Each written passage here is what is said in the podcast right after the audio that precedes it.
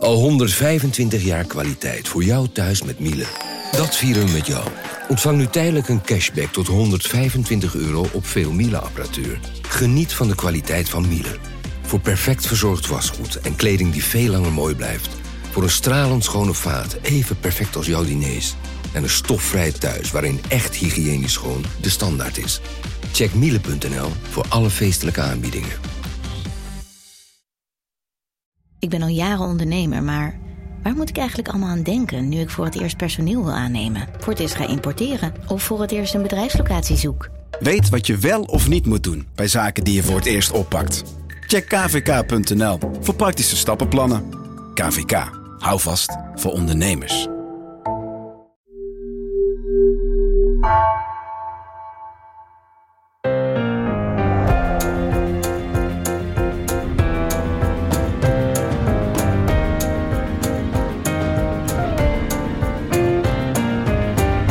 Is Haagse Zaken van NRC. Mijn naam is Guus Valk. Heb lef, toon moed. Ga eens leiden in plaats van volgen. En durf fouten te maken. Ja, het zijn maar wat citaten van burgers die NRC optekenden in het eh, traditionele buurtonderzoek aan de vooravond van de verkiezingen voor de provinciale staten en de waterschappen. En die zijn komende woensdag al. NRC praat met 108 burgers over de vraag hoe zij naar Nederland kijken, hoe ze naar de politiek kijken, naar hun eigen leven. En de citaten die ik net voorlas, die geven het algemene beeld aardig weer. Een land dat zich zorgen maakt over polarisatie en tegenstellingen, over crisis. En dat meer van het openbaar bestuur verwacht. In Haagse Zaken gaan we vandaag praten over de provinciale statenverkiezingen. En we lopen daarbij drie verdiepingen af, zou je kunnen zeggen. We kijken naar het perspectief van de burger, maar ook naar dat van de provinciale staten zelf. Wat merken ze daarvan, de stemming in Nederland? En hoe gepolariseerd zijn die staten eigenlijk? En we kijken ook naar het landelijke beeld. Want wat was dit voor campagne? Wat staat er eigenlijk op het spel voor al die landelijke partijen en hun leiders? En wat trekken zij zich aan van de roep van de burger om minder de tegenstellingen op te zoeken? Nou, om die drie uh, treden op de trap te zetten, uh, heb ik bij mij drie mensen uitgenodigd in de studio. Links van mij zit Titia Ketelaar, welkom. Goedemorgen. Anne-Martijn van der Kade, debutant in Haagse Zaken, redacteur Binnenland. Goedemorgen. Ja, dankjewel. Heel leuk om hier te zijn. Jij moest vroeg op, maar, uh, maar je bent er.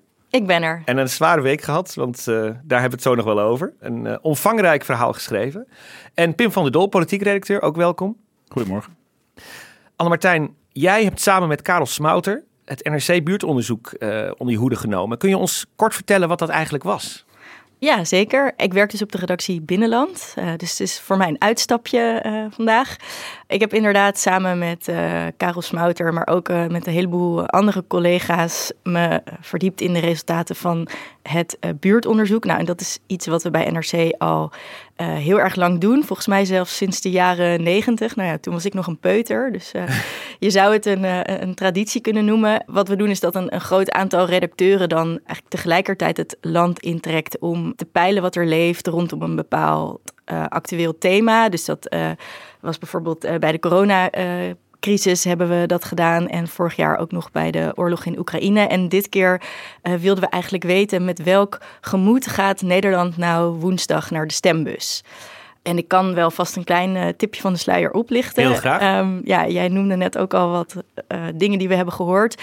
Ja, we, we, troffen eigenlijk een land dat een beetje met zichzelf in de knoop zit. Uh, mensen zijn moe van de verdeeldheid, van de tegenstellingen. Daar maken ze zich zorgen over. Maar daar kunnen we straks nog dieper op ingaan. Ik heb zelf ooit ook aan dat buurtonderzoek meegedaan. En wij allemaal, denk ik, uh, hier uh, aan tafel. En um, het interessante is dat je echt lang met burgers praat. Dat doe je natuurlijk vaker. Maar nu ook wel met een goede reden. Om het echt over politiek te hebben. En dat vind ik altijd een hele leerzame uh, ervaring. ik heb zelf ooit aan die van 2002 deelgenomen. Vlak voor de moord op Pim Fortuyn toen kwam eruit dat Nederland best wel ook een hoop tevredenheid eigenlijk was. En na de moord op Fortuyn hebben we dat buurtonderzoek overgedaan en de stemming was volkomen omgeslagen. Ja. Is heel bijzonder uh, om dat mee te maken. Pim, jij bent politiek redacteur. Jij volgt de campagne op landelijk niveau. Hoe zou je de campagne tot nu toe willen omschrijven? Even denken hoor. Nou ja, bij Vlagen vond ik het best wel een, goede en inhoudelijke campagne. Waarbij de uh, thema's die ook voor de provincie belangrijk zijn, best aan bod komen. Daar werd wel eens over geklaagd, andere jaren. Nu valt het ook best samen met wat er hè, provinciaal en landelijk op het spel staat. Maar goed, ehm, ja, we zien ook de, uh, de bekende campagnetrucjes. En uh, van de week zag ik op Twitter het weerbericht voorbij komen, dacht ik. Maar dat bleken dan uh, linkse wolken met regen te zijn die de VVD op Twitter zetten. Ja, dus, dus dat, dat ja, is ook soms het niveau van de campagne. Dat had een soort van knulligheid waarvan ja. ik dacht van, dit doen ze ook expres, zeg maar, om, ja. er, om, zodat het gesprek erover gaat. Maar het was inderdaad een soort van heel, ja, bijna Sinterklaasjournaal-achtig weerbericht inderdaad. Ja, echt een beetje ja, kleuterschoolniveau. Denk je dan als je het ziet, tegelijkertijd, daar komen we misschien straks nog wel over te spreken, voert de VVD misschien best een goede campagne, omdat ze in de peilingen niet zo slecht staan. Uh, maar het is een beetje ja, negatief campagne voeren over anderen. Dat, uh, dat zie je ook in deze campagne. Titia, niet zo lang geleden zat jij hier om te praten over de waterschappen. Nu uh, gaan we uh, naar een andere bestuurslaag, weet je, de provinciale staten. Ja, ik doe alle decentrale bestuurslagen. Alles waar iedereen altijd van denkt, oh gaap, wat moeten we ermee? ik wilde zeggen obscure bestuurslagen, maar uh, decentraal is misschien wat netter. Hoe heb jij de afgelopen weken, maanden uh, beleefd? Want jij hebt ze op een hele bijzondere manier eigenlijk doorgebracht. Ja, ik ben eigenlijk de afgelopen zeven maanden op de tribune van de Provinciale Staten Zuid-Holland gaan zitten. Dat heb ik vier jaar geleden ook gedaan, toen een maand. Toen viel me ook al op dat ik vaak de enige was die daar zat. En uh, nu, vier jaar later, dacht ik, nou ja, met alle thema's die bij de provincie zijn belegd: ruimtelijke ordening, stikstof. Strakjes moet de provincie een verdeelsleutel gaan maken over asiel en toezicht houden op waar statushouders wonen. Nou ja, de belangstelling zal wel groter zijn. Ik zat daar nog steeds in mijn eentje. Hm. Dus ook geen, ja, geen regionale pers, lokale ja, ik heb, pers? Ik heb, um, er heeft één radiocollega één keer gezeten toen, helemaal in het begin, eind juni 2022, toen het stikstofkaartje van Christiane van der Wal, minister voor stikstof, net bekend was. En verder, uh, ja, er zijn in de, in de Statenzaal van Zuid-Holland, die ligt aan het Malieveld. Daar um, heb je drie persstoeltjes. En uh, af en toe vroeg ik een ambtenaar vriendelijk om uh, de persstoeltjes toch voor mij te laten. en, en ik zat daar, Prins Heerlijk, helaas met een pilaar voor mijn neus. Het is nog niet heel goed ingedeeld daar. Ik kon niet altijd makkelijk alles zien. maar um, ja, en er zaten insprekers op bepaalde thema's. Dus uh, er moet een geluidswal langs de A4 komen. Dus bewoners van Voorschoten zijn er vaak geweest. En boeren natuurlijk. Vooral heel veel boeren. Eigenlijk iedere keer als stikstof het thema was, dan kwamen wel boeren inspreken en vertellen wat hen overkwam. En dat inspreken moet je even uitleggen? Ja, dat is net zoals bij een gemeenteraad. Iedere burger kan bij gemeente en provincie vragen of hij een paar minuten de volksvertegenwoordigers mag toespreken. En dat het verschilt een beetje van gemeente en van provincie hoeveel minuten je dan krijgt. Bij de provincie Zuid-Holland krijg je vijf minuten. En dan mag je gewoon vertellen wat jou op het hart ligt. En dan kunnen de statenleden kunnen vragen stellen als ze daar behoefte aan hebben. Pim uh, stipte net ook al aan van deze campagne gaat eigenlijk best over provinciale thema's. Het is best een inhoudelijke campagne. Maar als jij die thema's even belangsloopt, welke thema's zijn dat dan vooral? Nou, eigenlijk waar we het afgelopen vier jaar best veel over gehad hebben. Hoe moet Nederland eruit komen te zien? Dus je hebt een bepaalde verdeling: landbouw, woningbouw, uh, infrastructuur, uh, natuur heb je nodig. De provincie houdt toezicht. Gemeenten die kunnen zeggen: wij willen op dit stuk land van onze gemeente bouwen. Je kan niet hebben dat iedereen zegt: we willen alleen maar villa-wijken gaan bouwen. Er moet ook in een provincie bijvoorbeeld sociale woningbouw komen. De provincie houdt toezicht. Zegt, hé, maar uh, stad X, Y, Z, jullie bouwen niet genoeg dit. Houd toezicht op bijvoorbeeld uh, het groene hart het groene hart uh, laten. Houd toezicht op bijvoorbeeld iets als gemeentefinanciën. De gemeente heeft een bepaalde begroting en de provincie kijkt, hé, hey, uh, wat doen ze eigenlijk? Hebben ze een goede meerjarenbegroting? De provincie houdt toezicht op de vestiging van statushouders. Doen gemeenten er wat aan? En dan is er, en dat noemen ze heel mooi, een escalatielander. Dus als een gemeente niet doet wat ze moeten doen, dan komt er een, eerst een waarschuwing en dan nog een waarschuwing. Nou, is een soort treden treedt erop. En um, als uh, de spreidingswet door de Tweede Kamer wordt aangenomen, als die er komt, dan zal de provincie ook toezicht moeten houden op bijvoorbeeld waar asielzoekers komen te wonen. Dus dat zijn best grote taken voor een bestuurslaag die eigenlijk altijd een beetje het middenbestuur was. Altijd een beetje bemiddelen tussen Rijk en gemeente. Maar er zijn nu voor de provincie zelf ook heel veel politieke keuzes te maken. Bijvoorbeeld, ja, uh, gaat een provincie juist meer voor natuur, meer voor duurzaamheid, meer voor economie? Waar komen windmolens of komen er zonnepanelen? Allemaal dat soort thema's. En misschien is het ook wel zo dat de thema's die nu het land zo bezighouden, zoals stikstof, uh, woningbouw, asiel enzovoort, bij uitstek provinciale thema's zijn. Bij uitstek. En daarom vind ik juist nu de provincie zelf zo interessant. Want als je het hebt over kloven in de samenleving en randstad versus platteland, of stad versus platteland, of randstad versus regio, of hoe je ook uh, verschillen wil definiëren in Nederland. De provincie is bij uitstek een regionaal bestuur. Een, een, het valt niet altijd samen met regio's, daar kunnen we het straks nog over hebben. Maar het provincie zie ik bij uitstek als degene die kan vertalen wat er in een regio, wat er in een bepaalde provincie leeft. En, en dat gevoel is in de enige provincie sterker dan in de ander. Maar ze kunnen die rol echt wel pakken. In de aanloop naar de verkiezingen hebben we in kaart gebracht als redactie welk thema er in een bepaalde provincie speelde. Hè? Denk aan bijvoorbeeld het debat over de wolf in Drenthe, het debat over water in Limburg. Pim, jij bent naar Flevoland geweest. Uh, wat was daar het heet hangijzer? Wat, wat hield de provincie daar vooral bezig? Ik kwam erachter dat uh, asielopvang in Flevoland best een groot thema is. Maar dan misschien niet op de manier waarop je het verwacht. Want nou ja, zoals bekend, Nederland zit eigenlijk nog steeds wel in een asielcrisis. Er is een permanente zoektocht naar voldoende opvangplekken in het hele land, in grote delen van het land. Uh, maar in Flevoland uh, bleek eigenlijk uh, dat de provincie, of dat in de provincie moet ik zeggen, de maar zes gemeenten die daar bestaan, best veel doen met elkaar. dat het daar eigenlijk best goed gaat. Daar kwam ik eigenlijk achter tijdens mijn research. Nou, dan kan je soms als journalist denken van, hm, nou, het gaat goed. Dat is niet echt, dat is niet echt een, een, heel spannend verhaal. Maar ik vond het juist in de asielcrisis, waar we toch nou ja, ook bijna altijd alleen maar lezen over de, de problemen dat het niet goed gaat, ook wel weer interessant om uit te zoeken hoe dat dan komt. Ja, dan hoor je allemaal verschillende verhalen. Wat ik bijvoorbeeld wel een grappige vond was uh, dat heel veel mensen uit Flevoland zeiden, zowel bestuurders als inwoners, van ja, nou ja, we hebben hier ook wel heel veel ruimte. Hè? Dus, dus gewoon letterlijk nog. Flevoland is niet een heel dicht bebouwd gebied, heeft best veel geschikte uh, locaties en plekken waar je bijvoorbeeld iets als noodopvang kan realiseren. Het gebeurde dan ook vlakbij uh, Walibi, nog eerder dit jaar, het terrein waar ook festivals worden gehouden. Dat was binnen no time, uh, kon dat even tijdelijk worden gebruikt voor die noodopvang.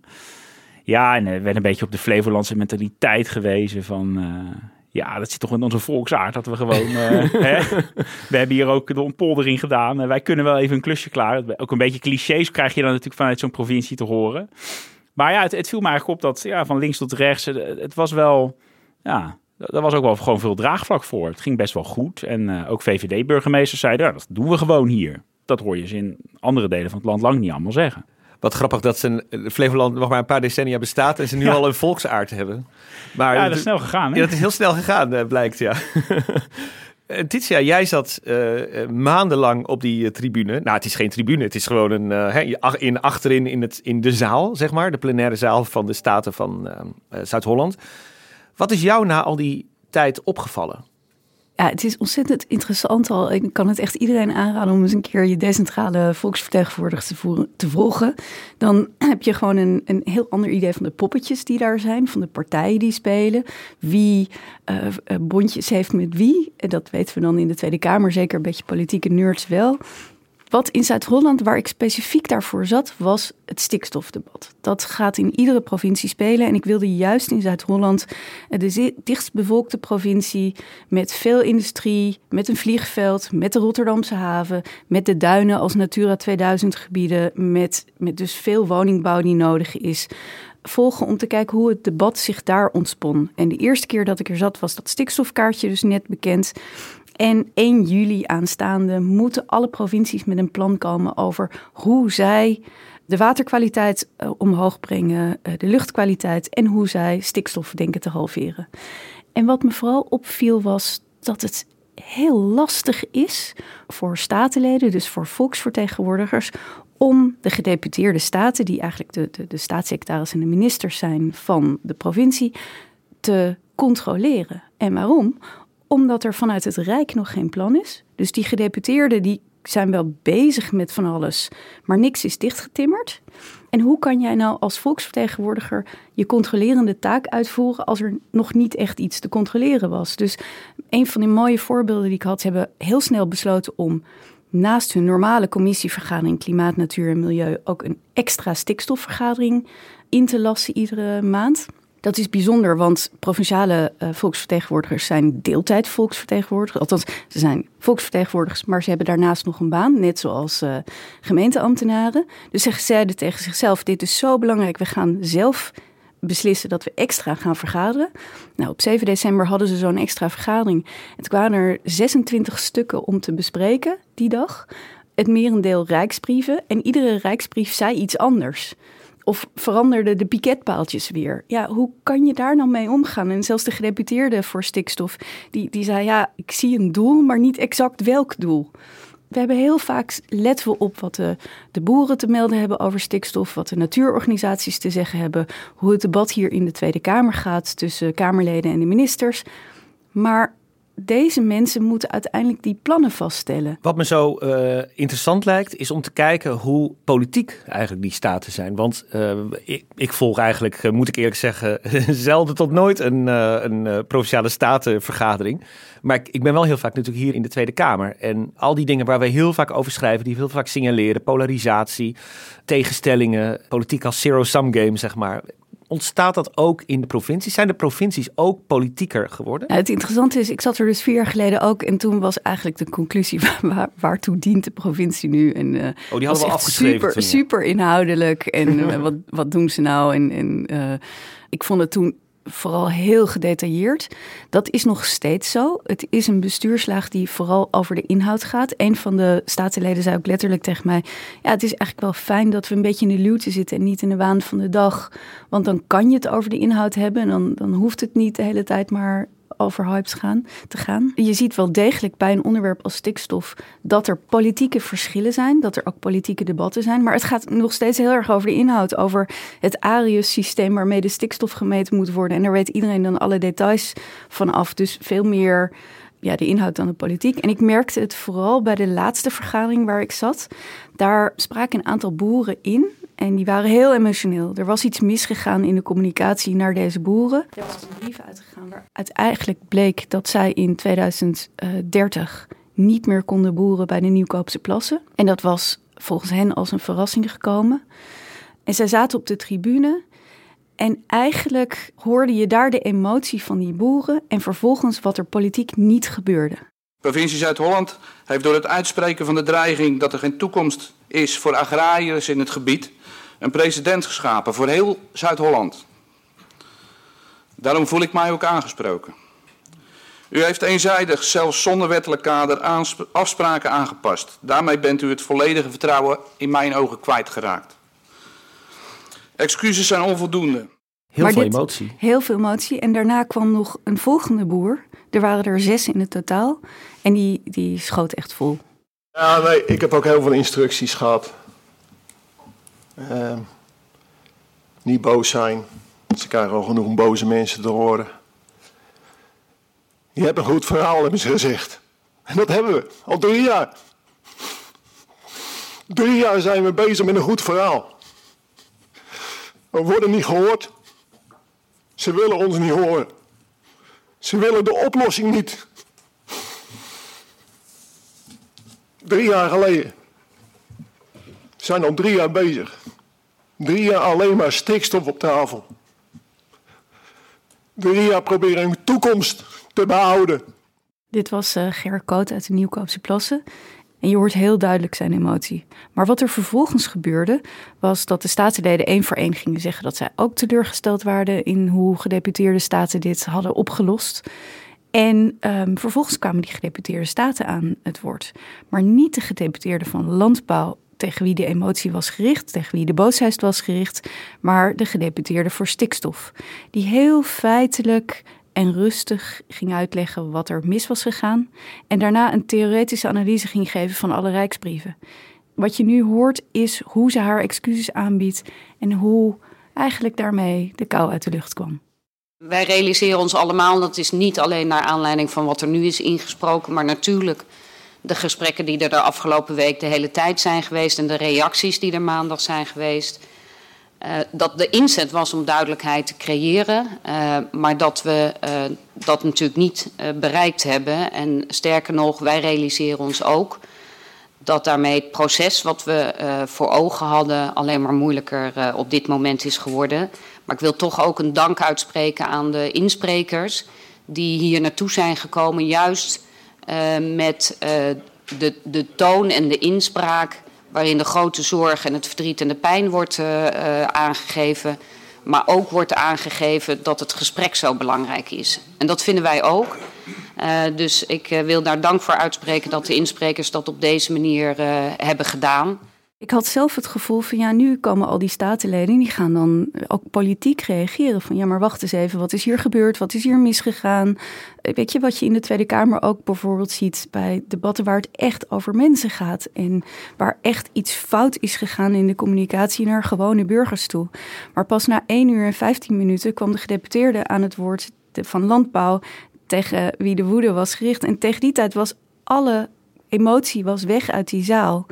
En de volksvertegenwoordigers waren eigenlijk ja, bezig met die rijksbief en hoe gaan we nu verder. En het werd op geen enkel moment werd het politiek. Wat jij dus eigenlijk zag was dat statenleden een kans hadden om het, het college moeilijk te maken. Ja. Ook uh, de statenleden die in de oppositie zaten. Maar dat dat niet de dynamiek is die je dan vervolgens bij een uh, statenvergadering ziet. Nee, helemaal niet. En ik zat dus zelf op het puntje van mijn stoel van nu, nu komt het. Want ook in de gemeenteraad zie je op zo'n moment krijgt het college, uh, krijgen de wethouders het echt moeilijk, krijgen het echt zwaar. En, en dat gebeurde hier niet. En misschien is dat de specifieke dynamiek in Zuid-Holland, maar uh, ja, het verbaasde mij. En met welk gevoel gingen vervolgens dan de boeren naar huis? Hadden ze het gevoel dat ze gehoord waren? Dat er politiek wat gebeurde met hun zorgen? Nee, nee. Dat is het interessante. Eigenlijk al die zeven maanden hebben dus boeren op de tribune gezeten. Die hebben hun verhaal gedaan. Die hopen op oplossingen. Dus ze spreken in dat lucht ten dele lucht dat op. En er worden, en dat, dat is zeker in Zuid-Holland, er worden dus allerlei gesprekstafels georganiseerd. Dus op regionaal niveau, op, gebiedsniveau echt. Dus uh, rondom Natura 2000 gebieden, maar ook in andere gebieden, wordt er echt aan de keukentafel met boeren gesproken. Dus dat gebeurt dan niet in de Statenzaal en dat zie je niet.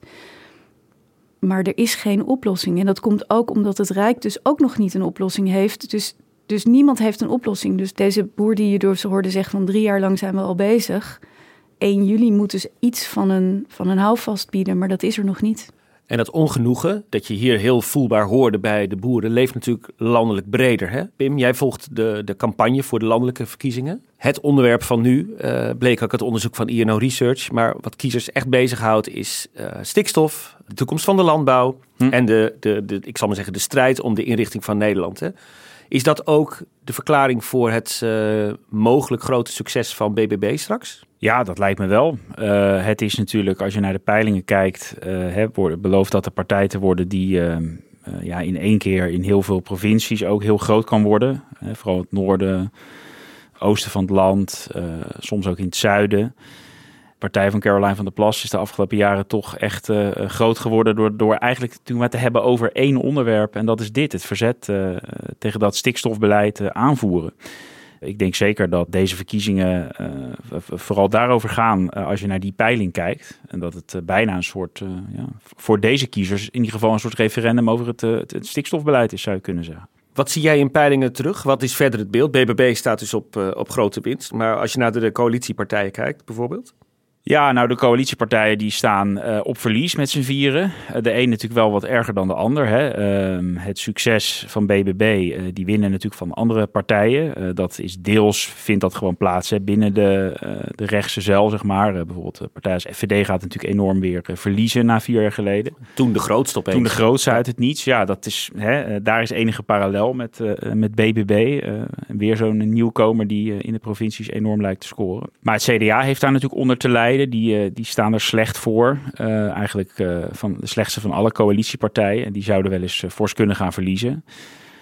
Ja, verder valt wel op dat bijvoorbeeld de VVD en D66 zich ten opzichte van vier jaar geleden redelijk lijken te, te, te kunnen handhaven. En is het verder natuurlijk nog interessant hoe goed de combinatie van GroenLinks en PvdA gaat scoren. Die natuurlijk na deze verkiezingen in de Eerste Kamer één gezamenlijke fractie willen vormen.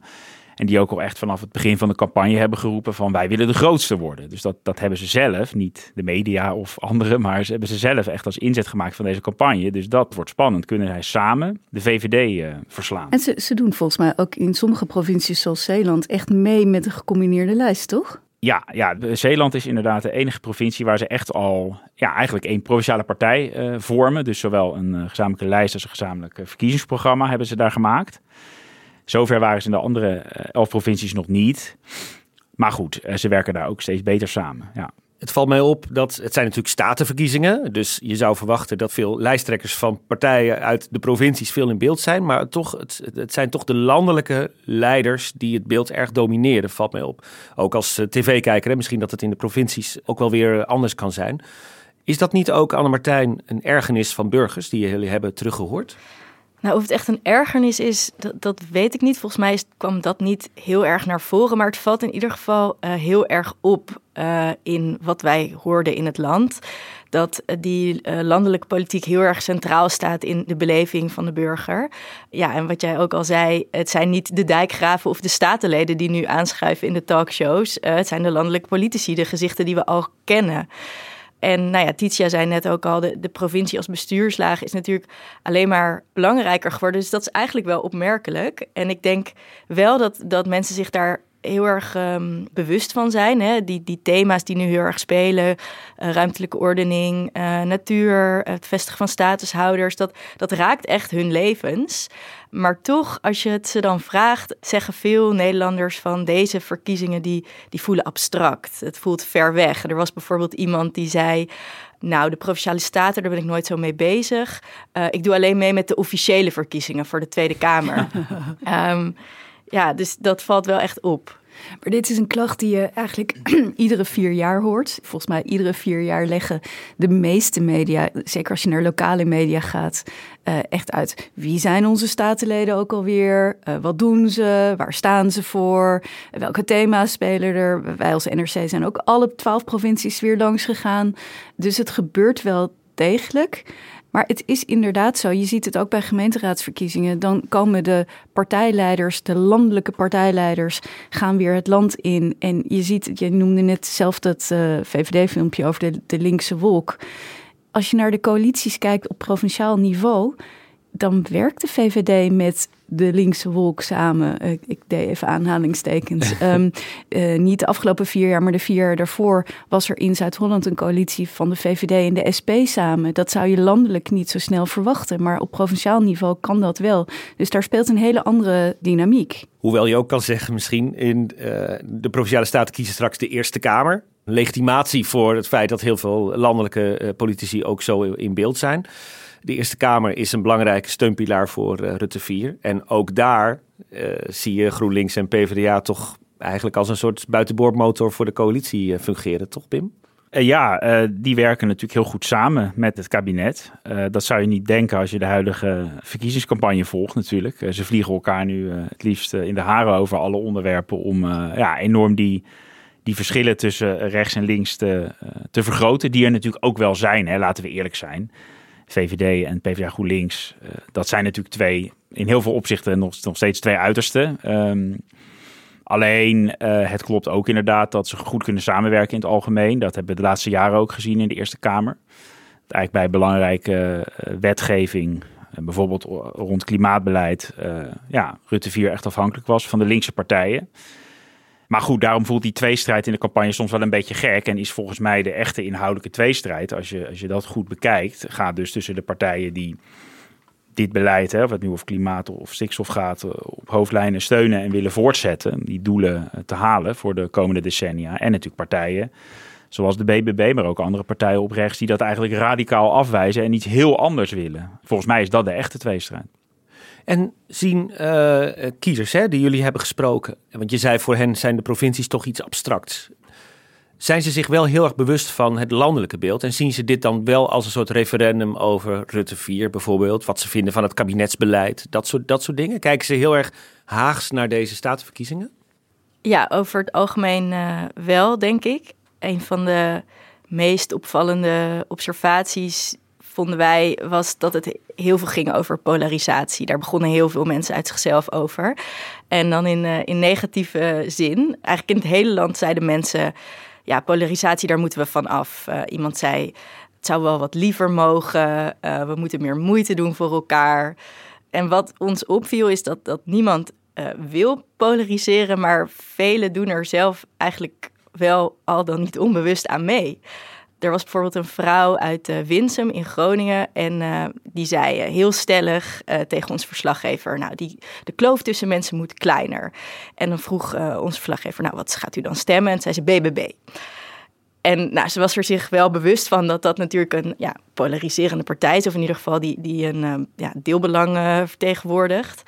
Maar ja, ze gaf ook toe van nee, we moeten opkomen voor onze belangen, want anders krijg je niks. Maar het gebeurt ook aan de andere kant. We, we troffen ook mensen, een meneer die zei, nou, ik stem altijd zo links mogelijk om het beleid lekker naar links te trekken.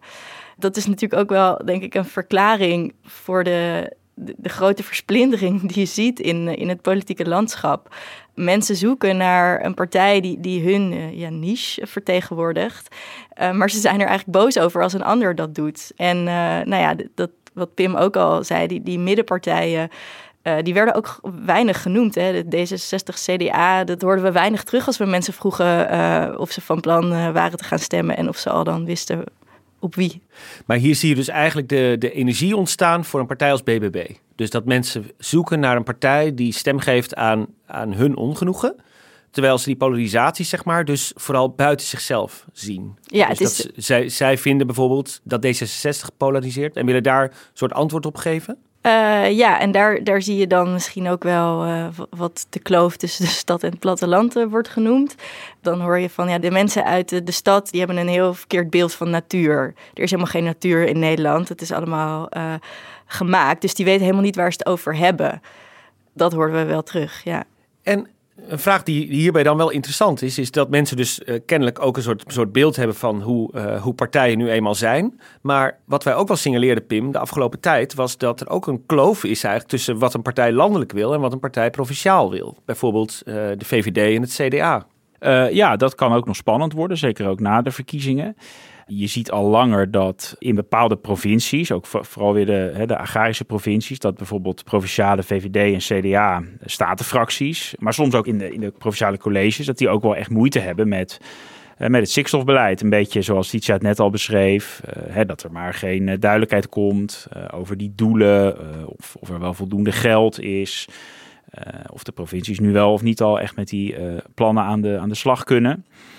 En ja, je, je kan natuurlijk verwachten dat um, als BBB straks uh, in bepaalde provincies heel goed scoort, dan is het natuurlijk de grote vraag hoe die lokale VVD en CDA-fracties daarop gaan reageren. Zullen ze dan denken van, oeh, we moeten het misschien toch beter gaan luisteren naar de boeren of naar een partij als BBB? Misschien zelfs met uh, eh, BBB gaan onderhandelen over uh, colleges. En dan zou het zomaar kunnen dat ze in bepaalde provincies wel eens behoorlijk tegenover natuurlijk het, uh, het landelijke beleid van hun partijen komen te staan als het om stikstof gaat bijvoorbeeld. En je ziet als we het over polarisatie hebben, dat heel veel partijen elkaar aan het uitsluiten zijn, nu al, hè? als, als we kijken naar regionale samenwerking. Ja, ja, dat klopt. Ja, je ziet uh, D66 had natuurlijk, moest zich natuurlijk een beetje een positie in de campagne uh, zien te verschaffen uh, tussen de, de VVD en, en, die linkse partijen, die het vooral over elkaar hadden. En D66 kiest een beetje, um, ja, een klassieke vijand zou je kunnen zeggen. De, de rechtspopulistische partijen. Die beschouwen ze ook allemaal als één, ook als een soort wolk. Want ze noemden, spraken over een soort rechtsconservatieve alliantie. En daar vielen dan BBB onder, ja, in de 20, maar ook PVV, FVD werden allemaal over, op één hoop gegooid. En die werden uh, omschreven als uh, de stilstandbus in de provincie. Dat zou de stilstandbus worden die daar geparkeerd zou worden. En dat, uh, ja, dat konden we toch niet hebben. Dus D60 wil vooruit. En nu lijk ik wel een soort spindokter, sorry. Maar dit is even de samenvatting van hun, samenvatting van hun campagneboodschap. En ze hebben dus eigenlijk al gezegd, ook in een landelijke advertentie vorige week, nou, we kunnen dus niet met die partijen gaan samenwerken in de provincie. Dat zien we niet, zien we niet gebeuren dat maakt natuurlijk de collegevorming, zeker als deze partijen goed gaan scoren en bijvoorbeeld D66 wat minder. Of, uh, en ja, links is nog maar de vraag of die echt groeien in de provincies. Als je naar de peilingen kijkt, dan sowieso wordt collegevorming heel interessant Omdat er eigenlijk geen grote partijen meer zijn, wat je ook in de Tweede Kamer ziet. Er moeten gewoon colleges, coalities komen met meerdere partijen. Als ik zelf naar Zuid-Holland kijk, de VVD staat er goed voor in de peilingen, PVV ook. Wordt interessant of dat provinciaal wel samen kan. En dan daarna allemaal partijen in de peilingen, natuurlijk met foutmarges op drie, vier, vijf zetels. Dat, dat zijn geen grote partijen meer. Nee, dus nu zijn het er vaak al hè, vijf, in die colleges.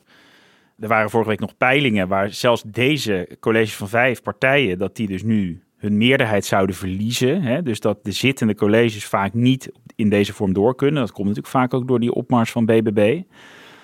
Dus ja, die, uh, die puzzel wordt dan alleen maar ingewikkelder natuurlijk. Zeker als partijen al zeggen, nou, ik wil liever niet met uh, dit blok. Uh, partijen die alleen maar samen willen, zoals PvdA GroenLinks in een aantal provincies. En je ziet vervolgens ook dat als de coalities gevormd zijn en de staten weer aan het werk gaan, als je ook een oppositie hebt die versplinterd is tussen allerlei kleine partijen met weinig zetels, dat samenwerken van de oppositie ook lastiger wordt om dan goed met elkaar oppositie te kunnen voeren. En dat leidt dus uiteindelijk, denk ik, tot meer teleurstelling bij kiezers en misschien wel tot nog meer versplintering. Dus we zitten in een soort neerwaartse spiraal.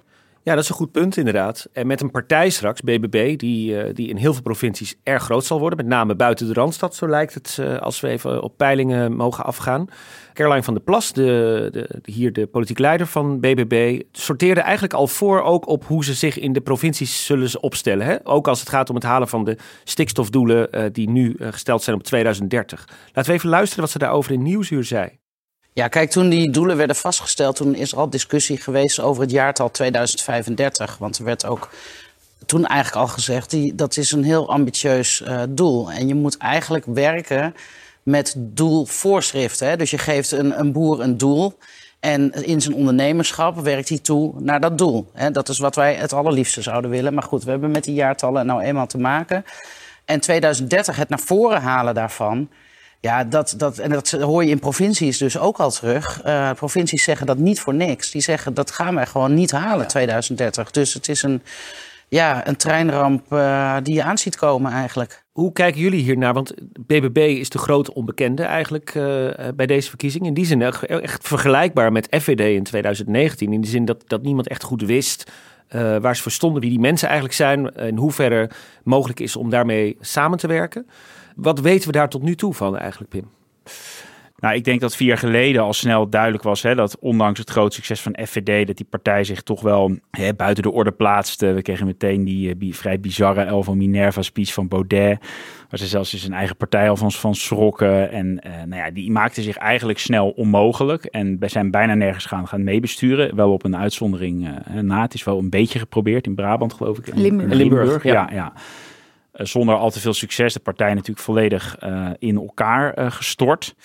Nou, dat lijkt bij BBB hè, nu op voorhand wel wat anders. Ik denk dat, dat het voor de partijen die we net al, al noemden, zeker als rechts breed goede uitslag haalt, dat VVD en CDA, toch wat moeilijker kunnen en misschien ook wel willen zeggen nu na de verkiezingen van hè, we willen helemaal niet met BBB gaan samenwerken. En dat zij, nou ja, misschien wel meer potentie hebben om in de provinciebesturen te komen. De vraag is natuurlijk of ze het ook echt willen. We hoorden net van de Plas en dat weet eigenlijk nog niemand. Maar daar, daar vind ik ook zelf heel interessant om te zien wat er na de verkiezingen gaat gebeuren. Van sorteert BBB nu voor op toch nog een aantal jaren in de provincies lekker oppositie voeren en dan voor die Tweede Kamerverkiezingen misschien een echte door een LPF-achtige doorbraak forceren? Of zijn ze nu al heel serieus en willen ze nu al gaan meedoen.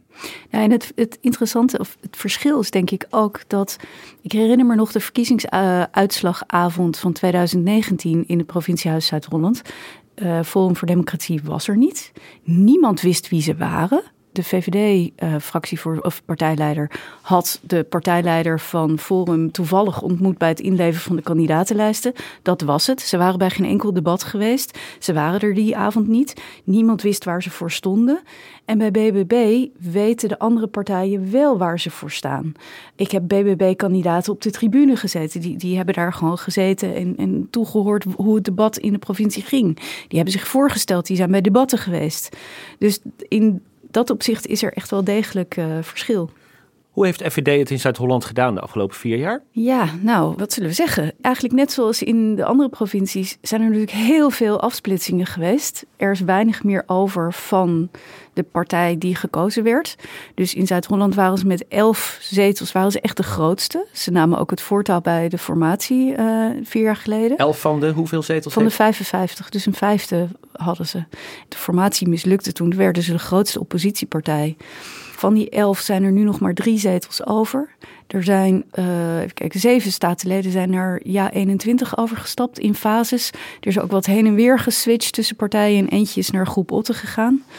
En wat vooral opviel van de drie die Forum nog overhoudt, um, ze zijn er niet altijd. De NOS heeft samen met de regionale omroepen geteld van hoe, hoe was de aanwezigheid van statenleden uh, de afgelopen vier jaar. En zeker getalsmatig kan je zeggen dat Forum statenleden weinig aanwezig waren. Zouden veel kiezers dat nou weten?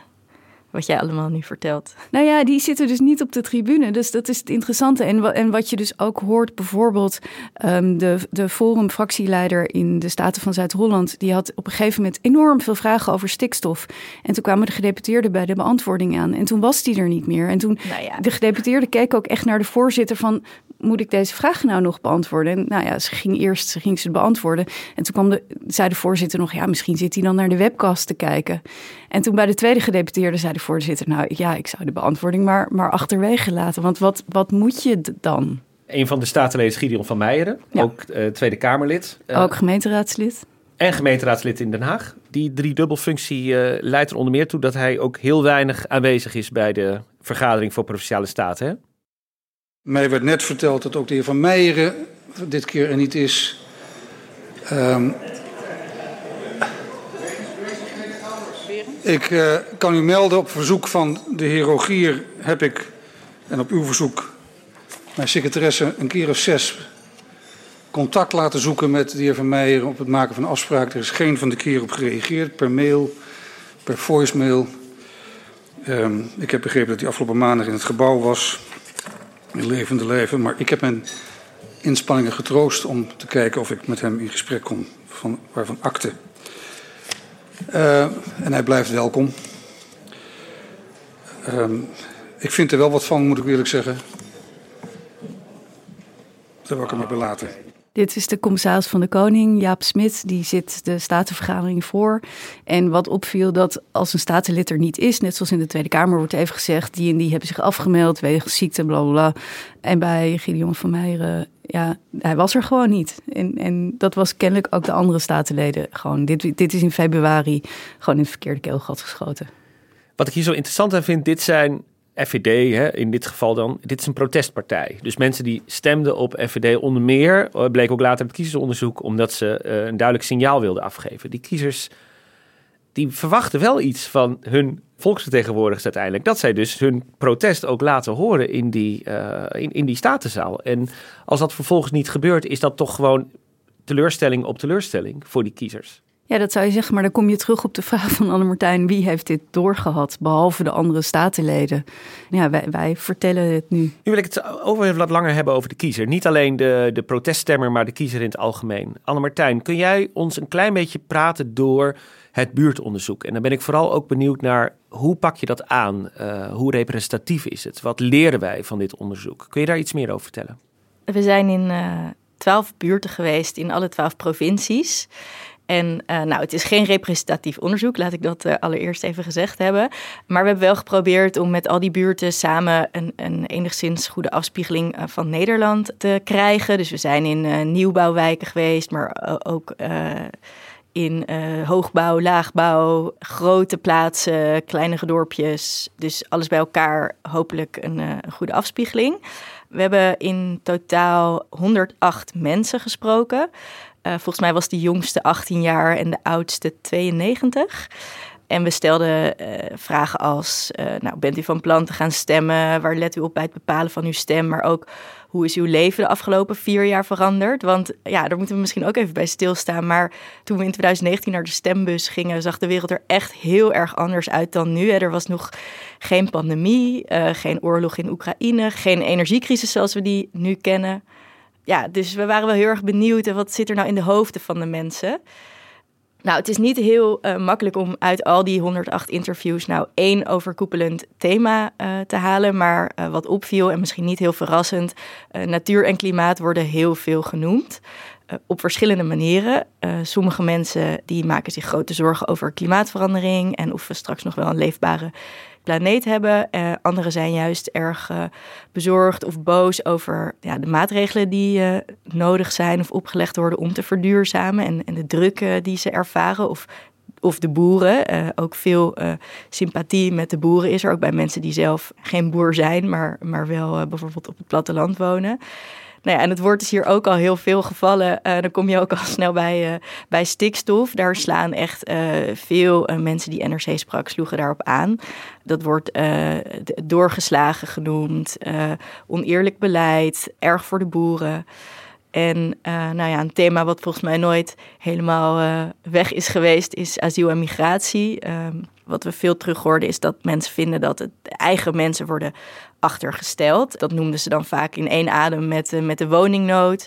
Mijn kind van 24 kan geen huis vinden, maar hierachter zit wel een hele wijk vol met Poolse migranten bijvoorbeeld. Dus dat was ook echt een geluid dat we veel terug hoorden. Nou, een heleboel thema's uh, die dus uh, voorbij kwamen. Um, het is misschien ook wel goed om te benoemen dat uh, de mensen die um, met onze redacteur in gesprek wilden, vaak ook wel nou, al een idee hadden over de verkiezingen leefden al in, ja. in hun hoofd. Ik denk als je kijkt naar de verwachte opkomst en volgens mij is zei bij ons wel, 70 van de 100 mensen zeiden wel dat ze van plan waren te gaan stemmen. Dat, dat komt natuurlijk niet helemaal overeen met hoe groot de opkomst straks daadwerkelijk zal zijn. En ik denk wel dat door deze gesprekken je een goede indruk kreeg van hoe uh, mensen vinden dat het er in Nederland voor staat met de overheid en politiek. En daar is ook wel een gemene uh, deler in. Namelijk, en het, het, ging er hier net ook al even over, dat gebrek aan duidelijkheid. Mensen die verwachten eigenlijk uh, ja, veel van de overheid, daadkracht. Maar tegelijkertijd vinden ze ja, de, mensen die de, de regeltjes bepalen, die, die weten eigenlijk helemaal niet hoe het echt is. Hè? Je hoorde zinnen als, uh, nou luister eens wat beter naar het volk. En uh, de mensen met de dure diploma's, die, die bepalen hoe wij het moeten doen, die hebben helemaal geen verstand waar het echt om gaat. En kom eens kijken wat er speelt uh, in de bejaardenzorg bijvoorbeeld. Nou, daar kunnen we ook een aantal fragmenten van laten horen. Ik denk dat er keuzes gemaakt moeten worden die helder gecommuniceerd moeten worden beter dan dat het tot nu toe gebeurt. En dat mensen daar ook op kunnen rekenen en dat ze de overheid kunnen vertrouwen. Ik denk dat ze de overheid het niet uh, verkeerd bedoelt allemaal. Ik denk wel soms dat ze een beetje achter de crisissen aanhollen. Uh, waarvan ik denk, we hadden hier tien jaar geleden al aandacht aan moeten besteden. En dan was het misschien nu niet zo uit de hand gelopen. Wat ik, wat ik merk en wat ik, wat ik heel kwalijk vind, is dat het allemaal heel erg korte termijn is. Uh, naar lange termijn wordt niet gekeken. Ik noemde het al, uh, we troffen een land dat een beetje met zichzelf in de knoop zit, dat een beetje moe is van zichzelf. Uh, de kiezers, wij, zijn teleurgesteld over, over de verdeeldheid, maar die brengen we natuurlijk ook zelf in het stemhokje teweeg. En het opvallende is dus, nou daar houden we onszelf niet voor verantwoordelijk meestal, maar de politiek, de politieke ander. Waarom is het altijd wij tegen hun, links tegen rechts? En dat vind ik wel eens heel jammer. Ze, ze zoeken veel meer de confrontaties dat ze de, um, de samenwerking zoeken. Dat vind ik heel jammer. Want als je met z'n allen samenwerkt, en je luistert een beetje naar elkaar, je doet een klein beetje water bij de wijn, kun je volgens mij veel meer bereiken als dat je constant de confrontatie opzoekt. Wat je een beetje terug hoort is uh, ook een beetje de rode draad in dat uh, boek Politieke Polarisatie in Nederland, onder de redactie van Paul Dekker, waarin het de polarisatieparadox heet. Uh, mensen maken zich zorgen over polarisatie en als een soort reactie gaan ze meer polariseren en plaatsen dat dus eigenlijk buiten zichzelf. En dat, dat hoor ik ook wel een beetje terug in hè, deze meneer Emma Lord, dan, die zich daar kennelijk heel erg zorgen over maakt, ook over links en rechts. Maar die verharding die mensen constateren, zit ook vaak in henzelf, zou je kunnen zeggen. Zijn dit mensen die ook direct gevolgen ondervinden van de crisis die je net benoemde? Dus bijvoorbeeld asiel, stikstof? Um... Ja, dat verschilde heel erg. Het hangt echt uh, ook af van waar je bent in het land. Iets wat we merkten dat mensen in Groningen veel liever ook uh, nou, hun, zegje deden dan uh, in Drenthe bijvoorbeeld. Het was ook wel net na het verschijnen van de gasenquête. Dat zou misschien kunnen meespelen. Die voelden zich echt gehoord. En ja, het, het, verschilt heel erg. Wat ik wel teruglas uh, toen ik alle interviews doornam, dat heel veel mensen zeiden: Nou, ik heb geluk gehad. Dus ik heb wel mijn huis kunnen verduurzamen. Of ik heb wel mijn energierekening uh, vastgezet. Maar uh, dat ze zich wel bewust waren van anderen die het zwaar hadden. En ook uh, economisch ja, de economische ongelijkheid was voor veel mensen die het zelf wel goed hadden een punt van zorg. Dus dan zagen ze bijvoorbeeld, uh, maakten ze zich zorgen over hun kinderen of kenden ze hard, hardwerkende tweeverdieners die toch niet ja, rond kunnen komen in deze tijd met uh, alle stijgende prijzen. Dat klinkt een beetje zoals we eerder, ik weet niet meer van wie het was, maar met mij gaat het goed, maar met het land niet. uh, die, die zorg die, die bij de gemeenteraadsverkiezingen heel erg speelde en bij ja. de vorige Tweede Kamerverkiezingen. Klopt, ja. En, en, wat merk je eigenlijk van, uh, ik zal maar zeggen, evergreen zorgen zoals zorg, onderwijs, veiligheid? Zijn dat ook dingen die mensen bezighouden of hebben asiel, migratie, energie, klimaat, dat soort onderwerpen uh, dat helemaal overgenomen? Uh, ja, die, die zijn er nog steeds. Zorg en ouderenzorg ja, werd veel genoemd. Maar ik denk toch wel dat er een soort inhaalslag is geweest. Als je het vergelijkt met, met vier jaar geleden. Dat natuur, milieu, klimaat, de spanningen die die thema's met zich meebrengen, toch echt wel heel erg top of mind zijn uh, voor kiezers. En je noemde net dat veel kiezers vinden van dat het met stikstofmaatregelen hè, te snel gaat, te veel wordt opgelegd, dat het zo naar is voor boeren. Zijn er ook mensen aan de andere kant van de medaille die zeggen van het, het er kan nog wel een tandje bij? Ja, die zijn er, maar die, die verwoorden dat dan als ja, klimaat moet gewoon op één staan. En dat is het allerbelangrijkste. We moeten de planeet redden. En uh, hoe, daar gaan ze dan niet echt op in. Daar hebben we ook niet heel erg op doorgevraagd natuurlijk. Maakt het eigenlijk uit in welke provincie mensen wonen, nog los van het feit dat mensen in Groningen graag met jullie praten? uh, merk je ook dat het ongenoegen bijvoorbeeld toch in bepaalde regio's meer is dan in andere? Ik moet namelijk denken aan, uh, volgens mij heeft het SCP ooit zo'n kaart gemaakt van uh, het ongenoegen in Nederland, waaruit je ziet dat de randstedelingen over het algemeen best tevreden zijn en de afkeer van politiek relatief meevalt. Terwijl hoe meer je naar de, de provincies aan de rand van Nederland gaat, zeg maar, Limburg, Groningen, uh, Drenthe, noem het maar op, dat het daar meer is. Het SCP komt volgens mij in mei met een nieuw rapport hierover. En dat gaat inderdaad over regionaal onbehagen. En wat je ook altijd wel ziet, is dat, en daar vind ik de kloof Randstad, randgebieden altijd zo lastig. Als je naar Groningen kijkt, een, een stad als Groningen met veel studenten heeft een andere houding ten opzichte van de overheid dan de ommelanden. Uh, hetzelfde geldt voor een stad als Den Haag. Het is een ambtenarenstad, maar is ook een stad met veel armoede en veel onvrede. Dus op, op microniveau ligt het natuurlijk anders.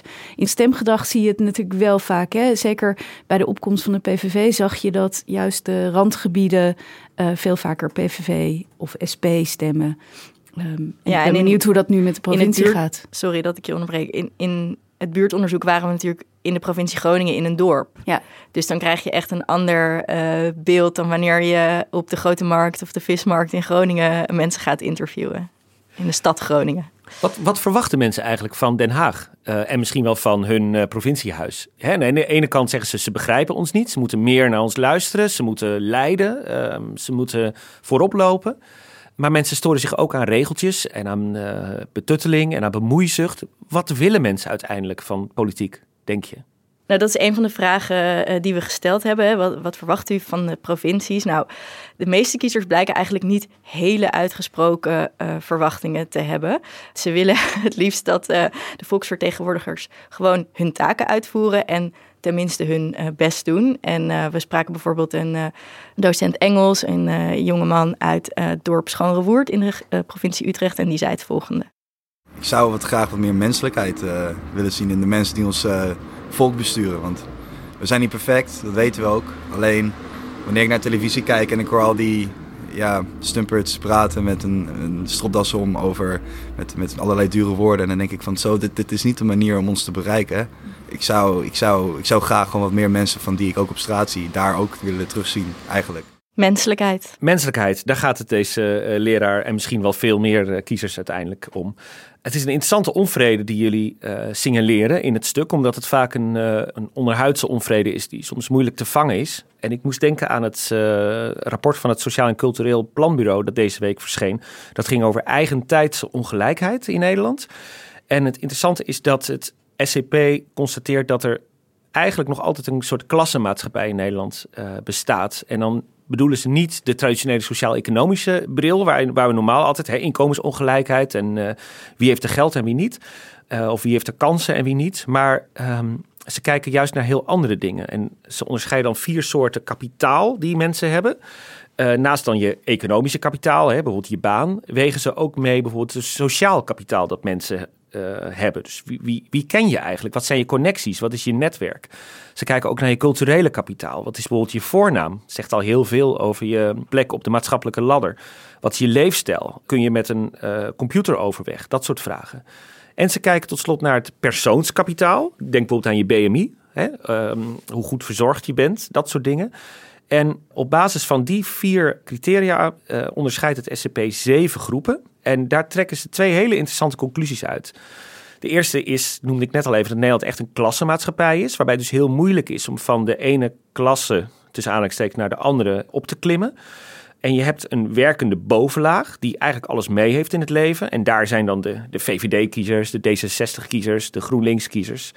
Maar je hebt ook twee kwetsbare groepen. Uh, de onzekere werkenden noemen ze die en het precariaat. En daar zit eigenlijk alles tegen als je al die criteria afloopt. En juist daar is het percentage niet-stemmers het grootst en het percentage ontevreden kiezers. Dus als die mensen stemmen, wat ze veel minder vaak doen dan mensen in de bovenlaag, dan stemmen ze vaak op uh, flankpartijen, zoals de PVV of de SP. En daar vind je ook de mensen die het meest ja, boos zijn op Den Haag, maar die ook, uh, en dat vind ik zo interessant in dat onderzoek, ondervertegenwoordigd is eigenlijk in het uh, politieke proces. En het statische karakter eigenlijk van die klassenmaatschappij die Nederland blijkbaar nog altijd is, dat lijkt mij ook, als je dat doorvertaalt ook naar het buurtonderzoek, ook een politiek probleem, omdat die onvrede die wij zo vaak signaleren en, en opschrijven, die jullie nu ook in het buurtonderzoek constateren, ook misschien mee te maken heeft dat mensen voelen dat ze niet verder komen in het leven. Die mensen hebben we zeker gesproken. Ik, uh, het SCP-onderzoek verscheen na dat we dit ons eigen onderzoek hadden uitgevoerd. Maar met terugwerkende kracht herkende ik wel dingen. Inderdaad, wat je zei, mensen die zich ja, niet gezien voelen, niet vertegenwoordigd. Uh, die klagen dat de overheid er eigenlijk helemaal niet voor hen is. Uh, die bijvoorbeeld arbeidsongeschikt zijn geraakt en dan een, uh, een toeslag moeten aanvragen en alleen maar robots aan de telefoon krijgen. Die voelen zich ja, buitengesloten. En het interessante, denk ik, van het SCP-onderzoek is dat uh, heel lang is ongelijkheid door politici en beleidsmakers ook als iets puur economisch gezien. En dit onderzoek laat eigenlijk zien dat het helemaal niet zo eendimensionaal is. Dat er een heel scala aan uh, achterliggende redenen uh, kan zijn. En wat volgens mij mensen in, in die, die groepen, ja, wat ze gemeen hebben en wat ook bijvoorbeeld een PVV of Ja21 of FVD-stemmer en een BBB-stemmer, wat, wat al die mensen verbindt, is dat ze het gevoel hebben dat ze niet tot de heersende klasse behoren. Met dit in het achterhoofd, waar gaan we op letten de komende woensdag als, uh, als de verkiezingen zijn? Waar ga jij op letten, Titia? Nou, ik had in de, in de podcast over waterschap gezegd dat ik alle partijprogramma's ging lezen. Ja, heb je dat gedaan? Niet allemaal, zal ik bekennen. Maar dat, dat doe ja. We hebben nog ik, even. We hebben nog even. En, uh, en, en, voor de provinciale staatsverkiezing ga ik dat ook doen. Ik vind het gewoon interessant wat partijen opschrijven, wat hun beloftes zijn. Dan zie je ook de nuances tussen de verschillende partijen. Dus um, ja, partijprogramma's uh, uh, lezen. En er zijn uh, allerlei stemwijzers die je kan invullen en kieswijzers. Dus dat kan ik ook iedereen aanraden. Tot de komische tool van welk broodje hoort bij welke partij. Die zweeft op sociale media rond. er is er Vertel eentje. eens, welk, welk broodje hoort bij... De PVV is een broodje haring. En de Partij voor de Dieren is een tijgerbroodje, een tijgerbolletje. Met hummus, neem ik en, aan. Uh, er zat geen beleg daarop. En um, CDA is een uh, boterham met pindakaas. ik, ik, weet niet van wie deze afkomstig is. Uh, VVD. avocado toast is voor GroenLinks, denk ik. Dus zo kan je ook tot je partijkeuze komen in plaats van partijprogramma's lezen. Pim, op welke partij ga jij letten? Wie wordt de grote ja. verrassing of, of de, de partij om op te letten komende woensdag? Ja, dat is natuurlijk toch BBB. Hoe, hoe groot wordt hun doorbraak? Ik bedoel, ik ga heel erg natuurlijk als landelijk politiek redacteur kijken naar die Eerste Kamersamenstelling. Maar natuurlijk ook wel naar wat er in de provincies gebeurt. En hoe groot ja, het verschil is tussen uh, hè, uh, provincies waar BBB misschien wel de grootste wordt. En de Randstad, waar, waar je denk ik een heel ander beeld in de uitslag gaat zien. Dus, uh... Dat en ook wat, ook wat dat zegt, dat vind ik dan weer interessant. Wat zegt het over welke provincie als je vervolgens, als je de uitslag ziet, maar ook vervolgens wat de coalitieonderhandelingen gaan opleveren. Dat wordt echt heel spannend. Waar ga jij eh, vooral je aandacht op richten, Anne-Martijn? Nou ja, ik, ik ben natuurlijk wel benieuwd of we onze observaties uit het buurtonderzoek eh, gaan terugzien in het eh, stemgedrag van Nederland. Maar het zou toch ook wel heel mooi zijn als er echt zoveel mensen zouden gaan eh, stemmen als dat ze tegen NRC hebben gezegd. dus opkomst wordt eh 70 procent. Wie weet, wie weet gaat dat, eh, gaat dat lukken. Dank jullie wel, Titia Ketelaar, Pim van der Dol en Anne-Martijn eh, van de Kade. We zetten in de show notes een link naar alle NRC-artikelen en de podcast... die je ook kunnen helpen wellicht om je stem te bepalen. En volgende week in Haagse Zaken duiden we natuurlijk eh, de uitslag van de Provinciale Staten en waterschapsverkiezingen. De redactie en de productie van deze aflevering waren in handen van Vita van Lennep en Iris Verhulsdonk. Montage werd gedaan door Pieter Bakker. Tot volgende week. Technologie lijkt tegenwoordig het antwoord op iedere uitdaging. Bij PwC zien we dit anders. Als we de potentie van technologie willen benutten, kunnen we niet zonder een menselijk perspectief. Human-led, tech-powered noemen we dat. Ga naar pwc.nl.